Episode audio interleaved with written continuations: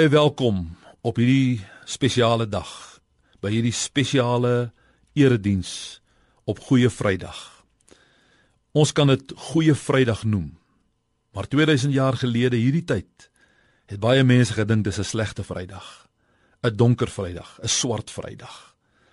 Maar ons weet vandag deur wat daar gebeur het buite die stadspoort van Jerusalem aan 'n kruis het hierdie dag vir die mensdom verander in 'n goeie dag. Goeie Vrydag. So ek wil aan jou sê welkom. Ek's bly jy is ingeskakel. Luister en mag die Here vanmôre deur hierdie diens en hierdie boodskap jou hart en jou lewe raak. Sal jy saam met my 'n oomblik bid?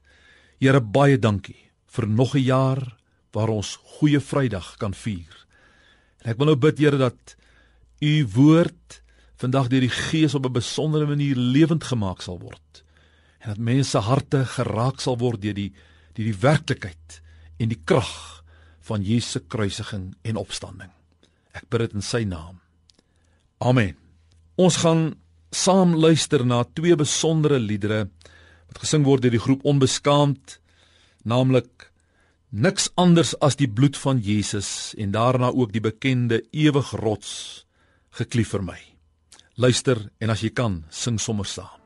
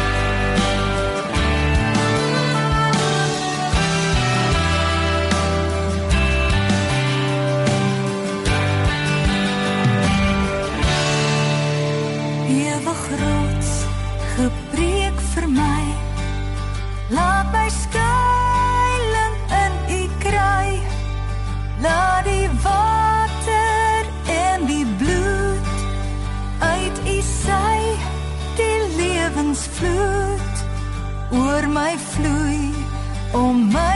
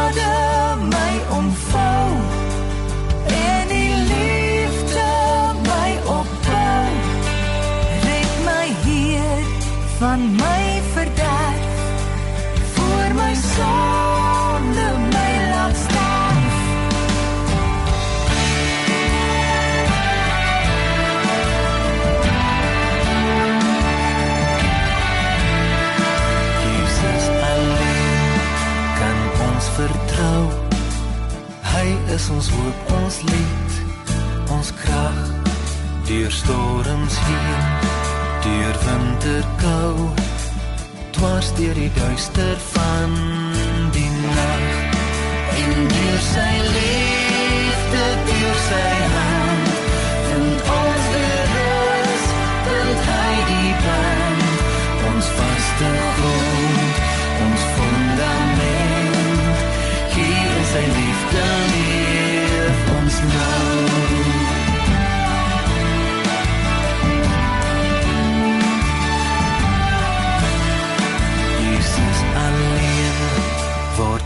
soos ons, volheid van God vol kwesbaarheid, oneindig meer doen hy vir ons.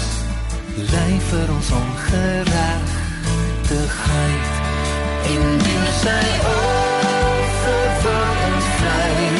Hy dra ons skuld hy sterf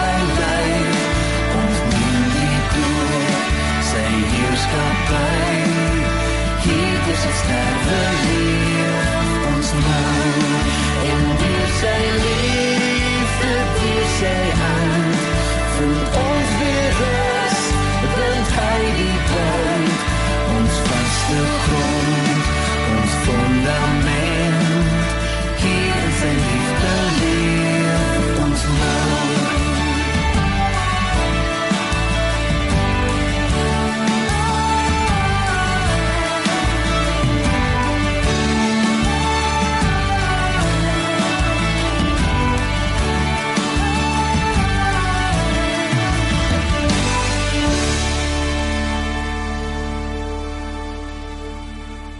Ek wil graag vir jou 'n gedeelte lees uit die Evangelie van Markus, hoofstuk 15 vanaf vers 20.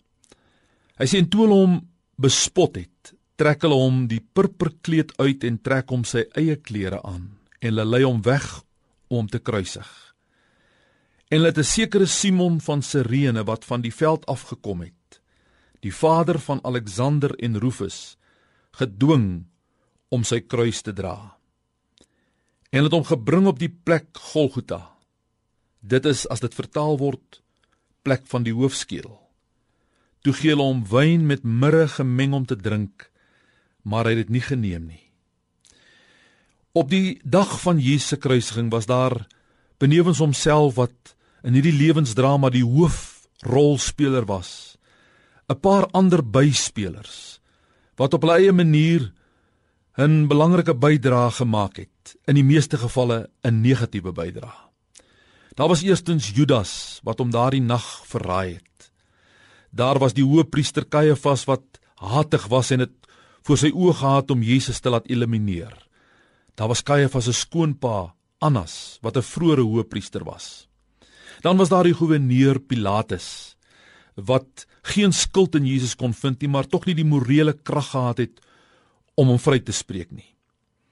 Natuurlik was daar die Romeinse soldate en hulle offisier wat onder wie se leiding hulle Jesus gemartel het en ook gekruisig het. En dan onderweg na Golgotha was daar vroue wat langs die pad geween het. En een besondere figuur en dis oor hom wat ek vanmôre met jou wil praat. 'n Man waarvan die Bybel sê hy het van buite die stad gekom.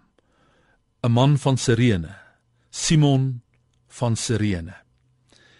Nou Jesus se weg van smarte, die sogenaamde Via Dolorosa, het daar by Gabata, dis die Hebreëse woord vir plaveisel wat jy lees in Johannes 19 vers 13. Die plek waar Jesus gemartel is, gegeesel is, daar het die Via Dolorosa begin. En nadat hy verneder en mishandel en geslaan is en volgens patologiese beoordeling en navorsing waarskynlik ongeveer 2 liter bloed verloor het, moes Jesus volgens die Romeinse gebruik die dwarsbalk van die kruis waarskynlik was dit nie die hele kruisie maar net die dwarsbalk en terloops hierdie dwarsbalk het plus minus 40 kg geweg. Moes hy dit dra na die plek van teregstelling. Nou is al drie die sogenaamde sinoptiese evangelies Matteus, Markus en Lukas, hulle vermeld dat die soldate 'n man wat van buite die stad gekom het gedwing het om Jesus se kruis te dra. Nou wat waarskynlik gebeur het was dat Jesus as gevolg van die verskriklike mishandeling sedert die vorige aand al en veral die onmenslike geeseling so swak en uitgeput was dat hy onderweg na Golgotha net nie meer verder kon nie. En die offisier in beheer het waarskynlik hier ingegryp. Toe hy sien dat Jesus nie meer kon nie, het hy 'n ander reëling getref. Dis waar Simon van Sirene in die prentjie kom. Nou ek moet erken dat die gegevens oor Simon van Sirene is taamlik skraps. Ek ek wens trouens die Bybel het vir ons meer van hom vertel. Maar met die bietjie inligting wat oor hom beskikbaar is, wil ek graag die volgende verhaal oor Simon van Sirene vir jou probeer rekonstrueer. Wie was hierdie Simon van Sirene? Terloops, Sirene was die hoofstad van die land in Noord-Afrika wat vandag as Libië bekend staan. Sirene was 'n pragtige stad op 'n plateau ongeveer 10 km van die Middellandse See. Dit was 'n Griekse stad wat tydens die Romeinse oorheersing deel van die Romeinse ryk was en daar het 'n groot aantal Jode gewoon. Sommiges reken dat daar soveel as 25% van die bevolking sogenaamde Hellenistiese of Griekssprekende Jode was. Dit was vir hierdie Jode soos trouens vir alle Jode wat weens die verstrooiing in ander wêrelddele gewoon het, 'n ideaal om by geleentheid maar ten minste een keer in hulle lewe een van die groot Joodse feeste in Jerusalem by te woon, verkieslik die Paasfees. En so lees ons byvoorbeeld in Handelinge 2 vers 10 op Pinksterdag dat daar ook Jode van onder andere die streke van Libië by Sirene in Jerusalem was. In Jerusalem self het daar soveel Jode gebly wat van Sirene afkomstig was dat ons in Handelinge 6 vers 9 lees dat hulle selfs hulle eie sinagoge gehad het. Nou die naam Simon van Sirene beteken dat hierdie man van Sirene afkomstig was. Hy's daar gebore. Hy het waarskynlik daar groot geword en miskien nog daar gewoon. Indien hy egter intussen na Palestina sou verhuis het en selfs in of naby Jerusalem gewoon het, sou hy nog steeds volgens die gebruik van daardie dae vernoem word na sy stad van oorsprong. Hy sou nog steeds Simon van Sirene genoem word al het hy in Jerusalem gebly. Want daardeur is die plek van sy herkoms aangedui. Nou vertel Markus 15 vers 21 wat ek vir jou gelees het, asook Lukas 23 vers 26 dat hy het van die veld van buite af gekom. Daar's baie bespiegeling gewees oor wat presies Simon se nasionaliteit en ras was, maar ons weet nie verseker nie. Sommige reken dat hy 'n swart man was, een van die oorspronklike inwoners van die gebied van Sirene. En alhoewel so moontlikheid sekerlik nie uitgesluit is nie, is dit waarskynlik meer seker dat hy in een van die groot aantal Jode van Sirene was wat vir die Paasfees na Jerusalem gekom het. Nou in alle provinsies en lande wat onder Romeinse beheer was soos Israel, het die reël bestaan dat enige persoon deur 'n Romeinse soldaat opgekommandeer kon word om 'n las of vrag te dra tot sover as 1 km. Jy kan in Matteus 5 vers 41 lees waar Jesus daarna verwys na daardie praktyk. Nou toe Jesus daar vanaf die plek van geeseling eers op die Via Dolorosa na Golgotha nie meer sy kruis kon dra nie, het die Romeinse offisier rondgekyk vir 'n geskikte persoon om die kruis verder te dra. Simon van Sirene het pas van buite die stad ingekom toe hy deur die soldate gedwing word om die kruis van Jesus te neem en na Golgotha te dra. Nou in daardie dae was mense wat gekruisig was gewoonlik erge misdadigers, kriminele, gewoonlik ook slawe. Vir 'n Jood kon daar kwaalike groter belediging en vernedering gewees het as om gedwing te word om so misdadiger se kruis te dra. Geen wonder dat Markus 15 vers 21 sê dat hulle moes Simon dwing om dit te doen nie. Hy wou dit nie uit vrye wil doen nie. Hy sou nie. Maar min het Simon geweet dat dit wat hy die volgende paar minute sou doen, die roemrykste taak van sy hele lewe sou wees. Wil jy jou vir 'n oomblik probeer indink wat Simon van Sirene ervaar het? Vroeg die oggend voor 9 uur want 9 uur is hy gekruisig. Waarskynlik 'n halfuur van tevore na die halfuur voor 9 uur het hy hier van eers buite die stad gekom, moontlik selfs van Sirene af. En hy word gedwing om 'n veroordeelde vreemdeling se kruis te dra. Hy het waarskynlik lank uitgesien na die dag om as Jood in Jerusalem die Paasfees te kom vier. Hy het hom waarskynlik self voorberei, seremonieel gereinig sodat hy deel kan hê in die fees. En hier bevind hy hom teen sy sin met 'n kruis op pad na Golgotha, die plek van teregstelling. Kan jy die bitterheid in sy hart voorstel teenoor hierdie gehate Romeine en en ja, hierdie man wie se kruis hy gedwing word om te dra. Maar daar's iets as jy fyn lees wat wat vir jou vertel die verhaal eindig nie daar nie. Daar's meer aan hierdie enkele vers of twee oor Simon van Sirene as wat jy dalk gedink het. Luister weer mooi na die woorde van Markus 15 vers 21. En dit is sekere Simon van Sirene wat van die veld af gekom het, die vader van Alexander en Rufus, gedwing om sy kruis te dra. Markus sê vir ons dat Simon van Sirene die pa van Alexander en Rufus was. Nou Markus die skrywer hier sal nie 'n man identifiseer deur die name van sy seuns te noem as hulle nie wel bekend was aan die gemeenskap aan wie hy skryf nie. Dit sou geen sin maak nie. Daar is algemene aanvaarding dat Markus in die eerste plek sy evangelie aan die gemeente in Rome geskryf het. Dit is interessant dat 'n mens die volgende teks in Paulus se brief aan die Romeine lees daarin hoofstuk 16 vers 13 van Romeine. Daar staan: Groet Rufus, die uitverkorene in die Here, en sy moeder en myne. Hierdie Rufus, 'n toegewyde Christen in Rome, was na alle waarskynlikheid een van die seuns van Simon van Sirene, waarvan Markus hier in Markus 15:21 melding maak. En Rufus se ma, dis nou Simon se vrou, het op daardie stadium blykbaar nog geleef en sy was so 'n besondere vrou dat Paulus haar ook natuurlik figuurlik gesproke sy ma noem. Die logiese afleiding wat 'n mens kan maak is dat Simon van Sirene en saam met hom sy hele gesin Christene geword het. So 'n klompie dekades gelede trouens in 1941 is daar ook belangrike argeologiese bewyse gevind wat hierdie moontlikheid versterk. Kom ek vertel jou vinnig daarvan. In daardie jaar het hulle daar in die dal of spruit van Kidron wat wat net naby aan die tuin van Getsemane is, het hulle 'n aantal Joodse klipkussies, in Engels noem hulle dit ossuaries, in 'n graftombe opgespoor daar in die Kedronvallei. Nou hierdie kussies is tradisioneel gebruik om die beendere van oorledenes na 'n tyd te herbegrawe nadat die lyke heeltemal ontbind het. Die kussies is so lank as die langste been in die liggaam, die die femur, die duibeen. Maar wat besonder was aangaande hierdie ontdekking van hierdie paar klipkussies is dat op een van hierdie kussies was daar 'n hele paar inskripsies gevind.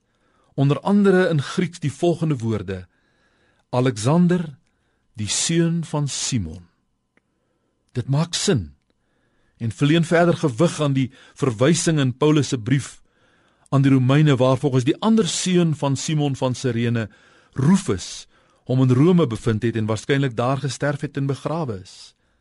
Dit blyk dus dat ten minste hierdie vier lede van hierdie gesin, Simon, sy vrou en sy twee seuns Alexander en Rufus, Christen geword het.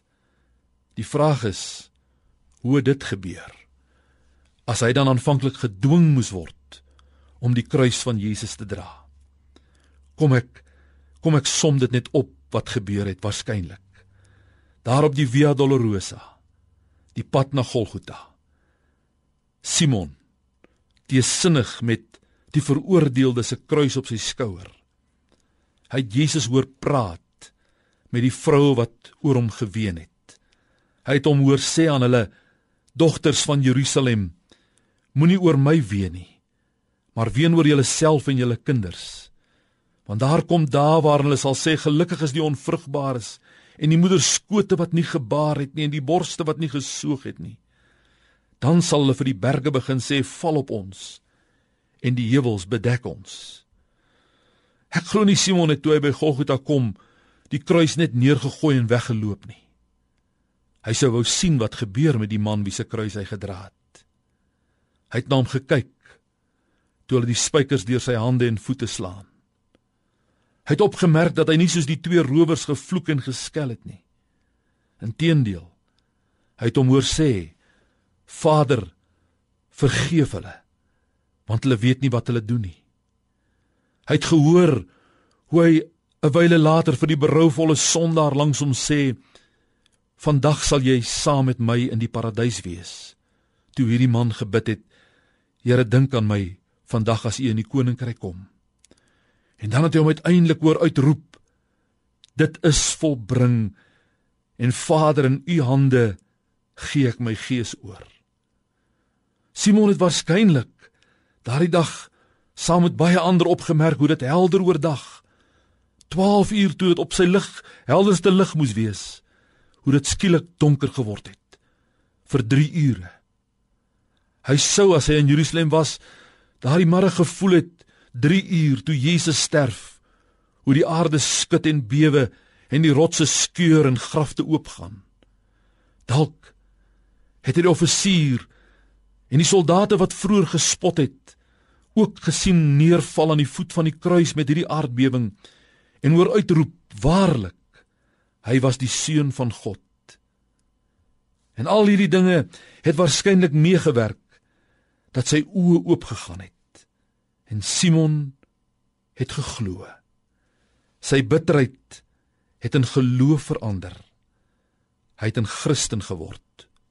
Trouwens, naas die rower langs die kruis van Jesus, vir wie Jesus gesê het vandag sal jy saam met my in die paradys wees, was Simon die eerste mens wie se lewe deur die kruis van Christus verander het. Ek wil net met 'n oomblik daaraan dink. As Christene praat en sing ons so baie oor die kruis. Die kruis van Jesus. Maar Simon van Sirene het sy kruis gedra. Hy het op sy skouer voel skuur met sy wang daaraan geraak. Die bloed van die lam het hom letterlik aangeraak, teen hom afgesmeer. Hy het daarmee agter 'n stikkende, bloeiende Jesus aangeloop. Hy het die hamerslag gehoor die kreune, die snak na asem. Ek kan my voorstel dat in die jare daarna Simon nie net as die man van Sirene bekend gestaan het nie, maar dat mense na hom verwys het as die man wat Jesus se kruis gedra het. Die enigste mens wat dit ooit sou kon sê. Dit sou sy roemrykste daad, sy grootste eer en getuienis wees tot die dag van sy dood. Geen wonder sy vrou en sy seuns, Alexander en Rufus, het ook die weg van die Nasareener begin loop nie. Vir 'n deel van die Via Dolorosa het Simon Jesus se kruis gedra. Die kruis waarop Jesus vir hom en ook vir jou en vir my gesterf het. Ja, Simon het sy kruis gedra. Maar Jesus het Simon se sondes gedra. En joune en myne aan daardie kruis. En die oordeel wat Simon toegekom het en vir jou en vir my het hy op hom geneem. Ek weet nie watter emosies die kruis in jou losmaak nie. Deur die eeue het die kruis vir baie mense niks meer geword as 'n versiering nie.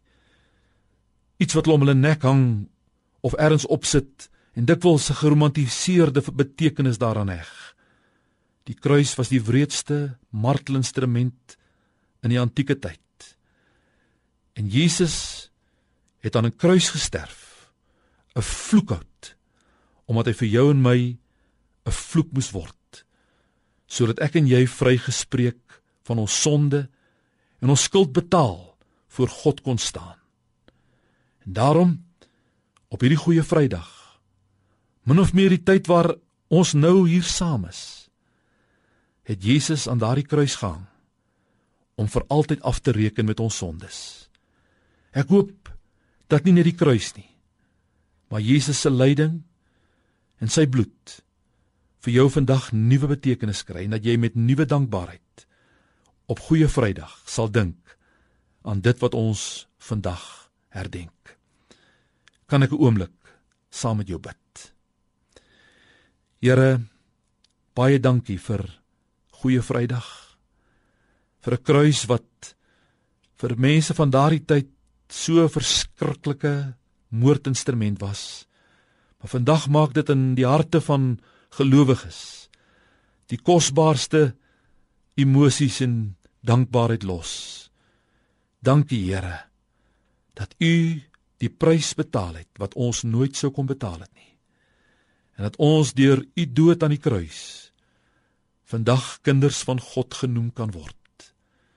Dankie Here dat U die volmaakte lam was wat eens en vir altyd vir ons gelei en gesterf het.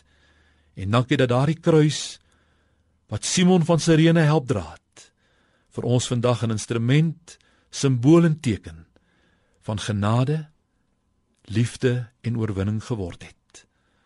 Ek bid dat U elkeen sal seën wat in hierdie oomblikke die kruis van Christus koester in harte en die prys wat U betaal het. Amen. Kom ons luister na Stas en onbeskaamd wat daardie wonderlike woorde gaan sing in 'n lied. Daar is niemand soos Jesus. Niemand, niemand soos hy. Mag dit ook jou hart raak.